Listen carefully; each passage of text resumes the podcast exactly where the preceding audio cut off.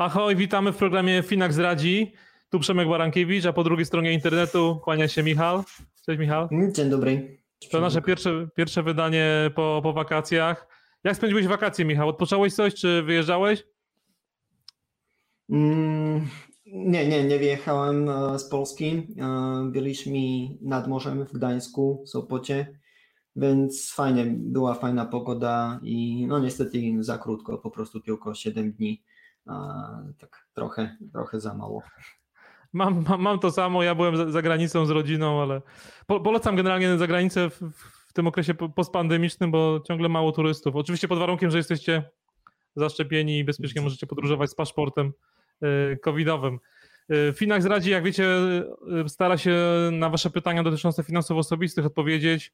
Nie tylko mówimy tutaj o inwestowaniu, ale też o, szeroko o finansach osobistych, bo taką mamy, trochę mamy misję w Finaxie, że staramy się prowadzić was za rękę, jeśli chodzi o ten świat finansów, od zarobienia do, do wydania i do zainwestowania. Dlatego bardzo chętnie zbieramy wasze pytania. Jeśli ktoś, ktoś ma jakiś dylemat finansowy, to komentarzu pod tym y, klipem na YouTubie jest, formularz, gdzie możecie sobie dokładnie wpisać wasz problem, trochę o sobie powiedzieć. No i my postaramy się potem z Michałem Y, wam jakoś y, poradzić. To nie zawsze jest łatwe. Zresztą za chwilę zobaczycie sami, że, że te pytania potrafią być skomplikowane. Ale, ale spróbujmy razem, zawsze razem raźniej niż samemu. Y, Michał nadaje z tego co wiem z Krakowa i mamy pierwsze pytanie od Macieja z Krakowa. 54 lata. Maciej, Michał, to nie jest rodzina żadna, nie, nie, nie znasz pana Macieja? Nie, nie, nie znam, nie znam. Okej. Okay. Maciej ma 54 lata. Ma bardzo wysokie dochody, gratulujemy, 15 tysięcy złotych, ale też dość duże wydatki, raty miesięczne 3,5 tysiąca i wydaje 2000 złotych, to wydaje mi się całkiem, całkiem niewiele, jak, jak na dwie osoby, które ma na utrzymaniu. No i dzięki, dzięki te, te, temu oszczędnemu w sumie trybowi ży, życia odłożył już 50 tysięcy złotych rezerwy, Gratulujemy, bo to całkiem fajna, fajna rezerwa. Mhm. Skoro wydajesz 5,5 tysiąca co miesiąc, to można powiedzieć, że, że twoja poduszka to jest dziewięciokrotność twoich miesięcznych wydatków, więc to jest całkiem sporo, prawda Michał? Bo to, to gdzieś tam się mówi, żeby 6-9 miesięcy, nie? Żeby odłożyć. Mm, tak, tak jest. No 6 aż 12 mówi się, no w zależności od tego, kto jak potrzebuje, ale myślę, że ta poduszka 50 tysięcy jest, jest ładna. No tylko pytanie jest, że, że gdzie leży. Dokładnie. No i pan Maciej, Maciej ma e, pytanie, bo jest na tyle jakby zaradny i przewidywalny, że już myśli, co, co, co się wydarzy, jak będzie miał 70 lat, czyli za 16 lat. I zastanawiam się, ile musiałaby, musiałbym inwestować miesięcznie, aby w wieku 70 lat uzyskać jakiś sensowny dochód pasywny. E, I to jest nasze pytanie, które nam zadał i z którym teraz postaramy się uporać. E, ja sobie założyłem tak z grubsza, to, Michał poprawi mnie, jak się mylę, że taki, że zakładam, że pan, pan Maciej spłaci długi do tej 70, czyli to już, to już mu zejdzie ta, ta rata y, wysoka comiesięczna. Y, ciągle będzie miał te dwie osoby na utrzymaniu, bo zakładam, że on z żoną, czy z jakąś inną osobą. No i tak naprawdę te, te, takie, te wydatki miesięczne mogą mu trochę wzrosnąć, bo jednak w wieku emerytalnym trochę więcej chyba idzie na leki, na tego typu sprawy. Więc tak, tak sobie przyjąłem, założyłem, że 4000 zł miesięcznie to jest takie, to, to, to, to jest taki do, dochód, który powinien mieć i który on by uznał za sensowny, bo tutaj on użył przymiotnika sensowny, te 4000 zł w ujęciu realnym, pamiętajmy o tym, że te pieniądze trochę tracą realnie na, na wartości przez inflację. E, wydaje się to całkiem, całkiem fajna, fajna kwota. No i teraz pytanie, czy te 4000, co zrobić, żeby zgromadzić taki kapitał w Finaxie czy poza Finaxem, żeby mieć te 4000 zł miesięcznie, czyli mieć taką rentę miesięczną. I tu mamy, przy, z pomocą przychodzi, przychodzi nasz kalkulator, który mamy na stronie, o którym pewnie trochę więcej potem powie e, Misza, bo Misza jest specjalistą od tych różnych e, naszych e, gadżetów elektronicznych, e, ale, ale, zrobiłem taką symulację, założyłem, że, że, że skoro gościu musi mieć, e, pan Maciej musi mieć 4000 zł, to spójrzmy ile musi zebrać kapitału w ciągu 16 lat, żeby te 4000 zł wygenerować. Tak naprawdę wyszło mi tutaj, że, że, że, że żeby mieć taką miesięczną rentę 4000 zł za, za 16 lat, to przy takim portfelu zrównoważonym, bo też rozumiem, że pan, pan Maciej jest w takim wieku, że nie powinien za bardzo ryzykować, czyli taki portfel bez, dość bezpieczny 50 na 50. Yy, horyzont inwestycyjny sobie sami możecie ustawić 16 lat. No i wychodzi mi, że musiałby zebrać, czyli mieć za 16 lat na koncie, mm, jakimkolwiek koncie inwestycyjnym, yy, około pół miliona złotych. Czyli to jest całkiem, całkiem yy, pokaźna kwota. Dzięki takiej kwocie pół miliona złotych potem przez, y, przez te, powiedzmy założyłem, że 15 lat jeszcze, życzę panu Maciejowi jak, jak, jak najdłużej, oczywiście trzymamy kciuki, y, ale, ale, ale jakby, gdyby miał ten okres wydawania 15 lat po 7 miesiące, y, no to, to, musi, to musi mieć te, te pół miliona złotych zebrane. Też ta nasza renta tutaj zawiera taki element wzrostu cen, czyli też doliczamy sobie inflację, czyli na końcu powiedzmy, na końcu tych 15 lat tej renty, to on de facto będzie już nie, nie pobierał 4000, tylko około 5000 zł, więc też to, to, tą inflację uwzględniamy. No i czyli krok pierwszy, wiemy, że musi, musi odłożyć, żeby mieć na 4000 zł, wydawać sobie spokojnie sobie potem co miesiąc mm, tą, tą kwotę y, przez 15 lat, to musi zarobić pół miliona, y, zbierać pół miliona złotych. No i teraz pytanie, ile musi odkładać miesięcznie, żeby te pół miliona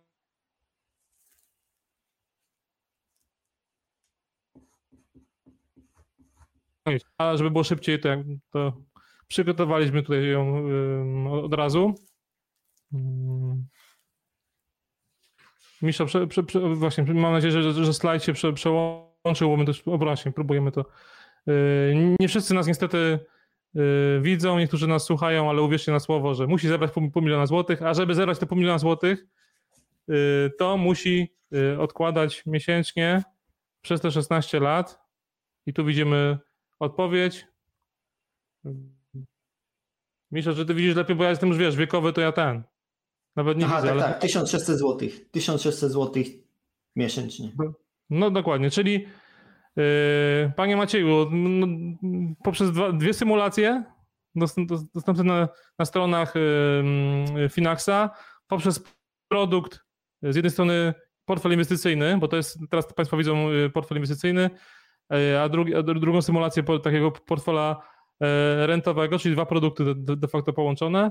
E, doszliśmy do wyniku takiego, że musi pan co miesiąc odkładać 1600 zł, żeby uwzględniając średnie historyczne modelowe stopy zwrotu, bo my zakładamy w tych, tych wszystkich symulacjach Finaxa, to jest modelowy, historycznie, bazujący na historycznych stopach zwrotu portfel, mm, no to musi pan te 1600 jakoś jeszcze wysupłać.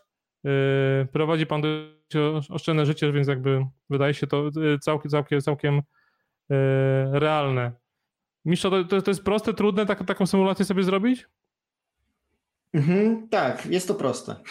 Jest tak, że mm, wszystkie te informacje o tym, że co znaczy na przykład średni oczekiwany wynik, całkowita wypłata, to, jak po prostu sobie namodelować taką symulację. Wszystkie te informacje znajdziecie w jednym z naszych webinariuszy. Konkretnie mm, jest to webinariusz, który nazywa się Jak może wyglądać Twoja emerytura. No i tam w drugiej połowie pokazaliśmy, że jak po prostu zaplanować to, że ile lat mogę żyć na emeryturze, czyli na przykład tutaj Przemek wypełnił tych 15 lat i jaką emeryturę mogę e, dostawać, albo teraz rentę, przepraszam, um, i jak długo ją mogę e, dostawać, aby po prostu um, mogłem z niej żyć przez tych 15 lat, uh, aby, ja nie wiem, pieniądze się skończyły, pieniądze się nie skończyły i tak dalej. Czyli to wszystko i z różnymi portfelami sobie możecie sami zaplanować, więc Zachęcam obejrzeć ten webinar.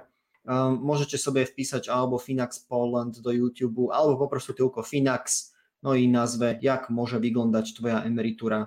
I w drugiej części tego webinara na pewno znajdziecie to, że jak te symulacje wytworzyć. Również, tak jak Przemek już powiedział, najpierw jest ta część, gdy budujemy majątek i potem, gdy z niego korzystamy, czyli można z niego korzystać na przykład za pośrednictwem Finaxa przez tak zwaną rentę. Więc tylko tyle, no i mm, zachęcam do obejrzenia tego webinara. Dobra, to zakładam, że pan Maciej z Krakowa powinien być zadowolony z odpowiedzi, bo już ma, ma konkretną odpowiedź. Nie mówimy, że musi te pieniądze inwestować z Finaxem, ale generalnie powinien je inwestować, bo największym błędem inwestycyjnym jest, jest nieinwestowanie, więc mm, zachęcam no, do Dokładnie, tak. Tak, tak. I tak jak pan mm, Maciej pisał, że po prostu teraz ma 54 lat, chce potem zacząć pobierać jakąś, jakiś pasywny dochód w 70 latach, czyli ten horyzont inwestycyjny jest jeszcze wystarczająco długi na to, aby zainwestować środki albo część środków. Nie musi to być jakiś super ryzykowny portfel, tak jak ty pisałeś, e, albo jak do tego symulatora wypełniłeś, było to portfel 70% akcji. Można też spróbować sobie dać, nie wiem, 60% akcji. Prawdopodobnie ta kwota, którą mm, będzie musieć pan E, Maciej co miesiąc, e, co miesiąc wpłacać będzie trochę wyższa, nie będzie to 1600, może to będzie 1800, więc to wszystko w tym symulatorze sobie można e, zaplanować. Dokładnie. Drugie pytanie. Przechodzimy do drugiego pytania. Tutaj jakiś syn pytał, nie podał swojego imienia niestety, ale bardzo troskliwie pytał o mamę. Moja mama jest w wieku emerytalnym i ma problem z tracącym na wartości depozytem nie potrzebuje tych pieniędzy od zaraz, ale jej horyzont inwestycyjny z racji wieku to maks 3 lata. Czy warto doradzać jej Finax? Czyli rozumiem, że y, y, tutaj pan sobie mama pana generalnie bardzo dobrze zdiagnozowała problem. Mamy wysoką bardzo inflację, ponad 5%, więc pieniądze tracą na wartości. Mamy znikome odsetki w banku, bo gdzieś tam średnio one wynoszą 0,2% w ujęciu rocznym. Zresztą nawet dzisiaj takie badanie widziałem gdzieś tam izby zarządzających funduszami, że większość Polaków nawet nie wie, jakie ma procentowanie lokaty na koncie w banku. No to mama, mama naszego, naszego czytelnika, słuchacza mm, dobrze o tym wie i szuka, szuka alternatyw, ale od razu możemy ją trochę chyba rozczarować, bo bardzo ciężko przy takim horyzoncie i obecnej sytuacji na rynku.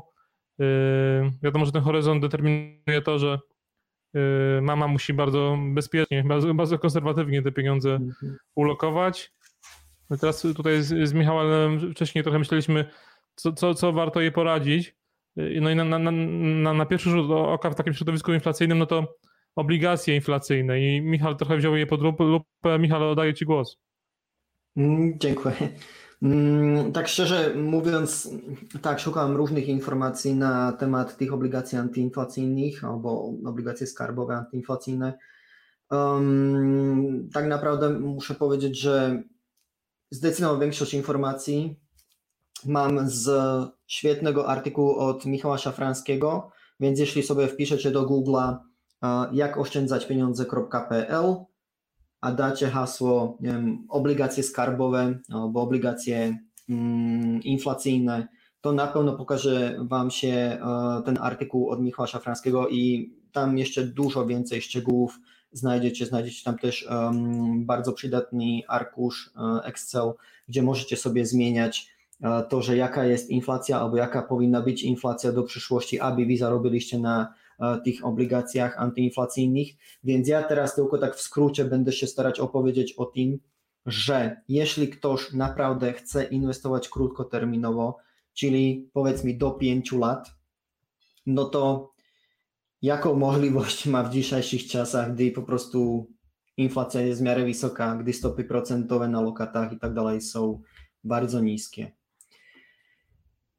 Więc popatrzyliśmy się na nasze e, polskie um, obligacje skarbowe, antyinflacyjne.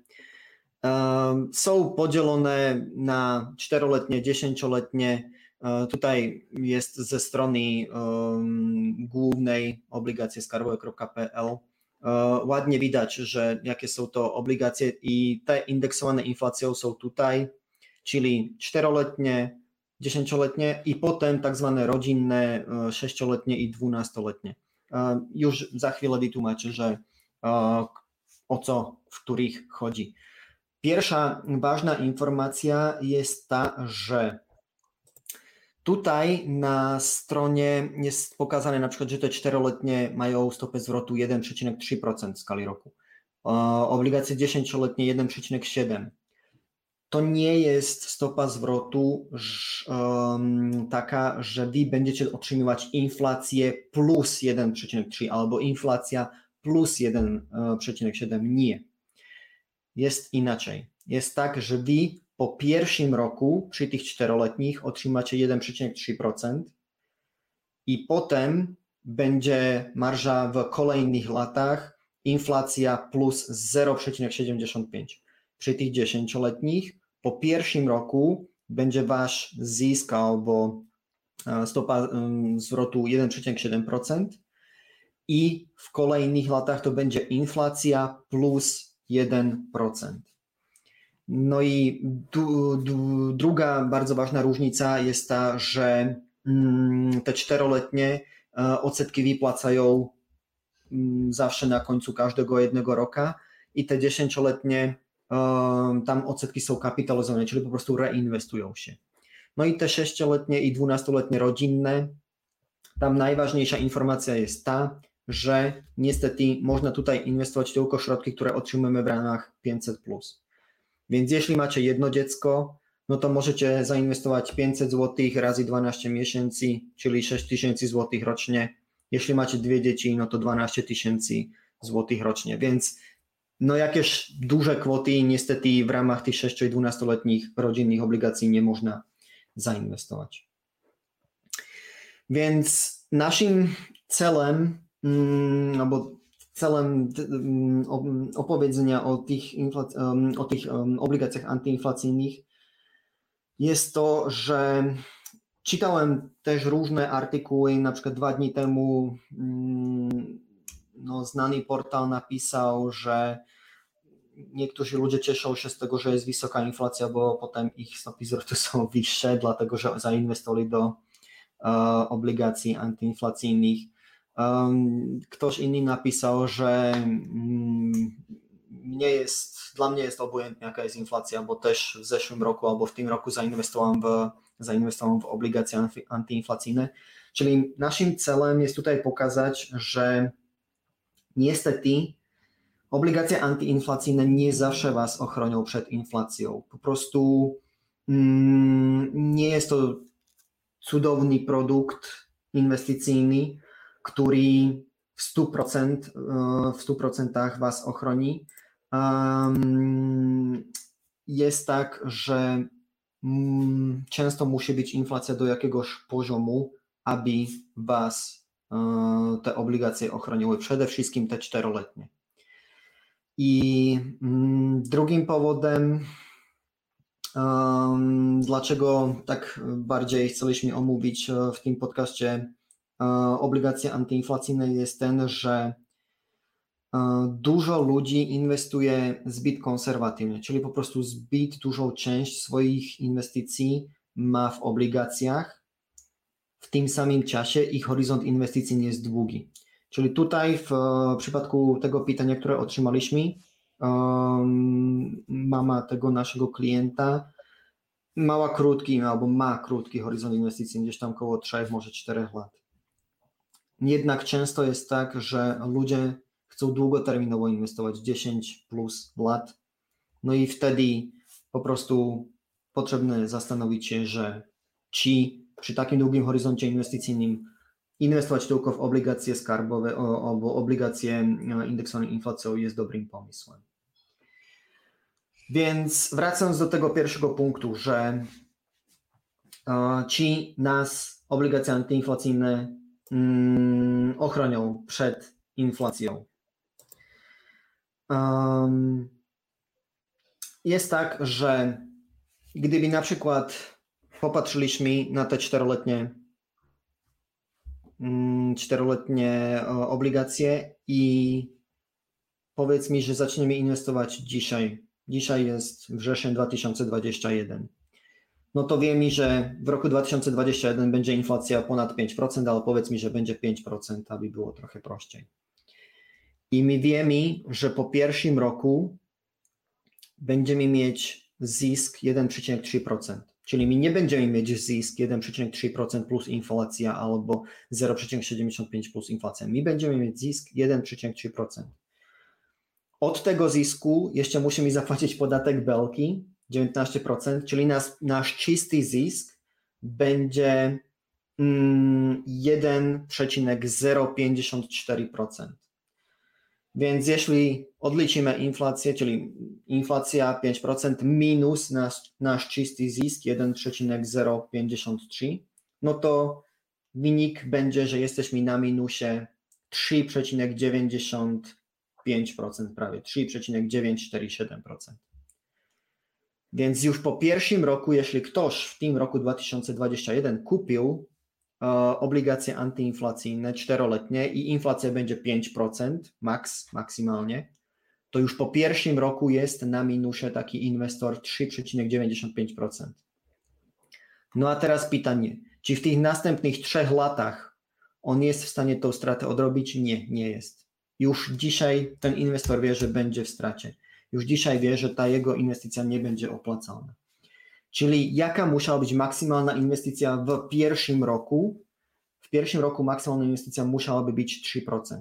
To oznacza, że również ci inwestorzy, którzy w roku 2020 zainwestowali do obligacji czteroletnich, w roku 2020 inflacja była 3,4%, to oznacza, że oni też już nie będą, um, będą w stracie po prostu nie ochronią tą swoją inwestycję przed inflacją, dlatego że w tym pierwszym, najważniejszym, najważniejszym, w tym pierwszym roku inflacja była zbyt wysoka. Czyli tak jak powiedziałem, przy czteroletnich e, obligacjach um, antyinflacyjnych maksymalna inflacja musi być 3%, aby w tych następnych latach byliśmy w stanie to odrobić i byliśmy na zero. Jeśli będzie poniżej 3%, to tak, to jakieś e, grosze, złotówki może zarobimy.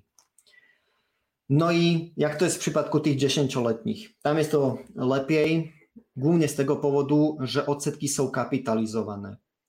Więc nie jest tak, że pod koniec każdego roku e, są odsetki wypłacane i my z nich musimy zapłacić podatek, ale są reinwestowane, czyli po prostu e, tych 1,7, które otrzymał po pierwszym roku jest reinwestowanych, no i potem ta następna stopa zwrotu albo marża, którą otrzymam w następnych rokach, e, latach jest e, również reinwestowana. No i to oznacza, że procent składany po prostu działa i z tego powodu tak te dziesięcioletnie mogą z dużym, z dużym prawdopodobieństwem ochronić nas przed inflacją. Bardzo podobnie to wygląda przy tych sześcioletnich rodzinnych. Więc w tym przypadku E, tych dziesięcioletnich obligacji. Inflacja naprawdę musiała być wysoka i Michał Szafranski policzył, że no musiałaby przez cały ten okres inwestowania tych 10 albo 6 lat być na poziomie gdzieś około 4,4%, aby mi po prostu nic nie zyskaliśmy, czyli będziemy na zero, czyli ochronimy naszą inwestycję przed inflacją, ale nic nie zyskamy. Jeśli będzie inflacja większa niż 4,4% w skali roku przez tych 10 lub 6 lat, no to potem mi będzie mi e, w stracie. Jeśli będzie niższa niż 4,4%, mi będzie mi w zysku. Więc tak to wygląda przy tych 10-letnich i 6-letnich obligacjach.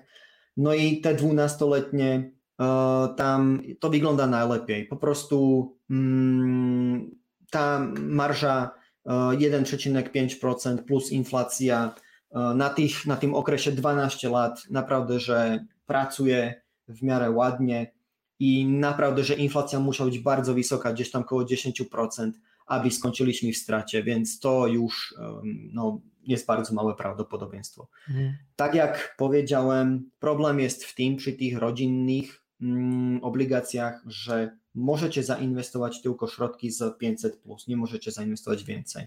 Czyli te kwoty są w miarę małe. Jedynie, że macie 10 dzieci, no to możecie inwestować dużo. Um, Drugą rzeczą jest to, że no po prostu musicie wytrzymać 12 lat, bo jeśli um, sprzedacie państwu albo państwo od was wykupi uh, te obligacje um, przedterminowo, no to musicie zapłacić karę, no, mandat, uh, 2 złote od każdej obligacji, od każdej jednostki. Więc, więc tak to wygląda. Czyli, mhm. mm, aha, jeszcze jeden ważny e, wątek i to, e, że możecie inwestować w obligacje antyinflacyjne w ramach IKE obligacje, czyli na przykład te 10-letnie sobie opakujecie w program IKE obligacje i wtedy to jest tak, że IKE Mm, ma ulgi podatkowe, więc jeśli wytrzymacie nie wypłacić te środki do 60, do 60 roku życia, no to potem będziecie zwolnieni z podatku belki 19%. Więc można w taki sposób inwestować w obligacje, ale jest to no bardzo długoterminowe inwestowanie, czyli musicie po prostu uh, zacząć wypłacać swoje środki dopiero po 60 roku życia, więc nie możecie przed mhm. tym wcześniej wypłacić środki, bo inaczej musicie zapłacić ten podatek belki. Więc mm, może tyle uh, na ten temat obligacji antyinflacyjnych, mm, no i o tym, że czy krótkoterminowo do 4 lat albo długoterminowo do 10 lat ochronią nas, nasze inwestycje przed inflacją. No i jakie są, mm, są alternatywy? No oczywiście mm, są alternatywy na poziomie lokat, no ale wiemy, że jak to wygląda z lokatami, z kontami oszczędnościowymi. No i też alternatywną, alternatywą może być inwestowanie globalne, no, dywersyfikowane, nie tylko do akcji, przepraszam, nie tylko do obligacji, ale też również można do akcji. No i na przykład my w Finax oprócz tych naszych standardowych portfeli przyszliśmy jeszcze z jednym portfelem, o którym trochę więcej Przemek opowie. Jasne, ja powiem, właśnie jeszcze wracając trochę do, do tych obligacji, bo, bo zakładam, że yy, yy, czytelnik i jego, jego mama, znaczy czytelnik pewnie nie jest dzieckiem, za które przysługuje te 500+, plus, więc jego mama niestety te 6-letnie, 12-letnie odpadają. Yy, jak ma horyzont czasowy krótkoterminowy, no wydaje się takim kuszącym, że może na przykład kupi sobie te 10-latki z myślą taką, że wcześniej sprzeda, bo to jest w sumie płynny, dość płynny rynek, w sensie takim mhm. nie ma rynku wtórnego, nie, nie ma giełdy tych obligacji skarbowych, no ale możecie sobie, sobie to wykupić. Ja nawet to testowałem ostatnio, yy, dałem do wcześniejszego wykupu, zajęło to 11 dni, zanim y, złożyłem zlecenie i dostałem yy, między złożeniem zlecenia a pieniędzmi na, na koncie, więc to w miarę płynny, płynny in, in, instrument. Ta opłata, o której wspominał Misza jest bardzo ważna, bo to 2% de facto odpada w tych, tych 10-letnich i 12-letnich Y, przy czterolatkach to jest chyba 0,7 y, złotego, czyli 0,7%, więc ta opłata jest, jest trochę niższa. Jedną rzecz tylko właśnie jeszcze dodam, że ta inflacja dlatego tak się nie do końca, nie do końca zabezpiecza, że ta, ta inflacja, która jest plus marża, to ona jest liczona na podstawie poprzedniego miesiąca przed okresem odsetkowym który się zaczyna, czyli przy rosnącej inflacji, na przykład gdyby, gdyby, ktoś wszedł to w momencie, gdy inflacja jest 3%, to on przez cały ten okres będzie miał 3%, y, przez cały rok następny będzie miał 3% plus marża, czyli przy rosnącej inflacji z miesiąca na miesiąc, tak jak to było w ostatnich miesiącach w Polsce, y, no tutaj też to trochę, trochę traci. Ale generalnie jest to, no jest to na tym, na, na, jak się mówi, na bezrybiu i, i rak e, ryba, ciężko coś znaleźć teraz faktycznie mm, ciekawego, konserwatywnego, dającego cokolwiek, więc też Finans taki pomysł miał, żeby mm, coś takiego wy, wy, wymyśleć yy, dla słowackich inwestorów, na, że, że, działamy wspólnie, więc też to, to, jest dla polskich dostępne, czyli taka skarbonka, coś, co ma być bardzo konserwatywne, dawać średnio historycznie dawał, dawać 2 lub 3 do 3% y, stopy zwrotu, co pokrywa inflację, bo długoterminowo w Polsce i na Słowacji w ostatnich 15 latach to jest niewiele ponad 2%, więc y, ten instrument teoretycznie, historycznie pokrywa tą inflację. No i y, towarzyszy mu bardzo niewielkie ryzyko, bo ryzyko wymierzone zmiennością wartości tego portfela, no to ono jest, jest stosunkowo niewielkie. Tak, tak to zarządzający na, Słowacji skonstruowali ten portfel. On się składa ze złota, obligacji rządowych, obligacji antyinflacyjnych no i, akcji że mm, ten miks daje możliwie minimalną zmienność, więc to ryzyko jest ograniczone. No i ta opłata jest stosunkowo niewielka, bo tam wynosi yy, pół procenta w tym VAT od yy, całego, całego portfela. Jest to taka trochę teoretycznie alternatywa dla właśnie, mm, nawet odpowiedź na pytanie naszego czytelnika, bo to jest właśnie dla, dla tych, którzy, którzy mogą na okres krótszy niż 5 lat powiedzmy inwestować. Tylko w przypadku Polski dochodzi jeszcze ryzyko walutowe, bo cały ten portfel skarbonka jest wyrażony w euro, więc ja, my, my się tu z, z Michałem staramy unikać określenia konserwatywny czy bezpieczny produkt, bo jednak ryzyko walutowe mu towarzyszy i, i on daje zarobić, może dawać historycznie zarobić 2-3% w ujęciu rocznym, natomiast dochodzi do tego ryzyko walutowe i może być tak, że się złotówka wzmocni o te 2-3% i widzicie Y, na zero, tak? Więc jakby tutaj musimy o tym pamiętać. Y, unikamy określenia konserwatywny, bezpieczny przy tym, przy tym portfelu. Natomiast on się cechuje dużo niższą zmiennością niż te portfele akcyjne Finaxa i ma, ma stanowić taką krótkoterminową alternatywę dla naszych klientów. Mm, na razie 200 chyba rachunków takich się otworzyło w Polsce.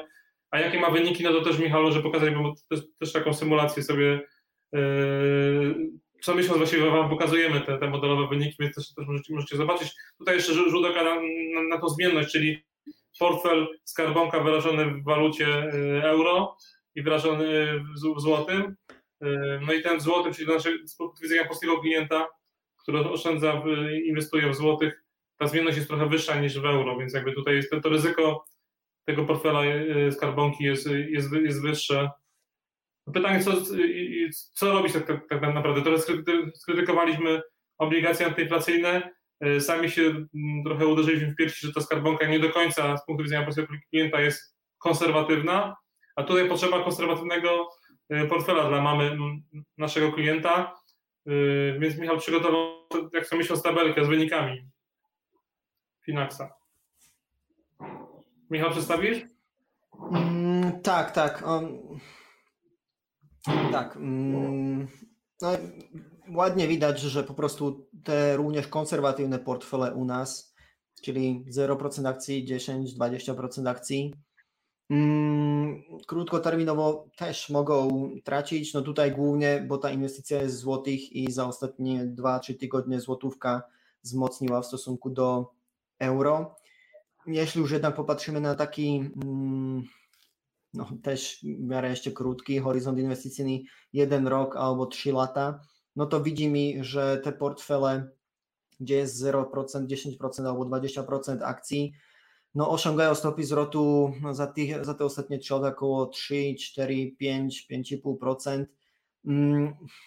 No, ważne powiedzieć to, że ostatnie trzy lata były bardzo dobre, nawet i gdy weźmiemy pod uwagę, że była był ten duży spadek w marcu 2020, gdy rynki runęli o 35%, więc jeśli już popatrzymy na takie dłuższe horyzonty, czyli 15 lat, no to jest po prostu uśrednienie stóp zwrotu na przestrzeni 15 lat, więc tam już jest dużo danych, więc tu ładnie widać, że około tych 3%, 3,5% można uzyskać, jednak jeśli ktoś będzie inwestować 3 lata, 5 lat, wahanie jest o wiele większe, ryzyko jest o wiele większe, może się to zakończyć ładnie, że ten e, klient będzie mieć stopy zwrotu 4-5% w skali roku, może się to e, zakończyć e, w taki sposób, że po prostu mm, coś mm, się wydarzy, nie wiem, pół roku, trzy miesiące przed ukończeniem inwestycji i ten portfel akurat runie i po prostu te stopy zwrotu będą niskie, czyli no niestety ciężko, ciężko cokolwiek poradzi, doradzić na, e, dla inwestorów albo potencjalnych inwestorów, którzy chcą inwestować krótkoterminowo. Mm, ono nie jest tak, że mm, my byśmy teraz mm, też skrytykowali te obligacje antyinflacyjne, bo obligacje są po prostu dla różnych rodzajów, różnego rodzaju inwestorów, bo nie wszyscy są w stanie akceptować wahania akcji, a nie wszyscy są ja nie wiem, 45-latkowie albo 25-latkowie, którzy mają długi horyzont inwestycyjny. Jeśli ktoś jest już na emeryturze, no to musi inwestować konserwatywnie, to nie da się inaczej. Jednak problem w tym, że w dzisiejszych czasach ciężko znaleźć taki produkt inwestycyjny, który by co najmniej gwarantował to, że nasze oszczędności, nasza inwestycja zostanie ochroniona przed inflacją. Bardzo ciężko. Jeśli jednak jest ktoś, kto ma naprawdę że dłuższy horyzont inwestycyjny, czyli około 10 lat albo nawet więcej niż 10 lat, tak jak mówiłem, zastanowić się nad tym, że czy naprawdę mm, inwestować do obligacji, albo czy większość inwestować do obligacji, bo przecież ten horyzont inwestycyjny jest wystarczająco długi i za 10 lat, jeśli będzie za 2, 3, 4, 5 lat jakaś uh, bessa, jakiś kryzys, to jest bardzo duże prawdopodobieństwo, że ten rynek wróci oraz można też uśredniać cenę zakupu, więc jeśli będzie BESA, my będziemy kupować wtedy, gdy rynek będzie spadać i po prostu do przyszłości potencjalne zyski będą wyższe. Więc o tym, że dlaczego nie bać się inwestować w akcje, dlaczego nie bać się ryzyka rynkowego, dlaczego nie bać się mieć w portfelu akcje i przede wszystkim globalne akcje, na przykład za pośrednictwem inwestowania do funduszy ETF. O tym opowiem mi w następnym podcaście. Dokładnie, dlatego warto nas subskrybować y, na YouTubie, warto naszą aplikację mobilną, gdzie wszystkie nasze odcinki Finance Radzi są dostępne, ale nie tylko. Y, pobrać sobie, y, warto też nas słuchać w aplikacjach podcastowych, bo też tam jesteśmy obecni. Obiecujemy, że tu z Michałem przygotujemy mm, odpowiedzi na Wasze kolejne pytania które możecie zadawać w formularzu pod y, stanowiącym komentarz do tego, do tego klipu, albo po prostu wysyłać nam mailem lub rzucać w naszych kanałach społecznościowych. My to wszystko obserwujemy, rejestrujemy i prędzej czy później każde Wasze pytanie znajdzie odpowiedź, chociaż jak sami widzicie i słyszycie, nie zawsze możemy konstruktywnie poradzić, ale to taka już jest natura rynków finansowych, że nic nie jest y, gwarantowane i nic nie jest na 100% pewne. Bardzo dziękuję mi, Michał. E, dziękuję Wam za, za uwagę. E, do zobaczenia, do usłyszenia. Hej. Do widzenia, do usłyszenia.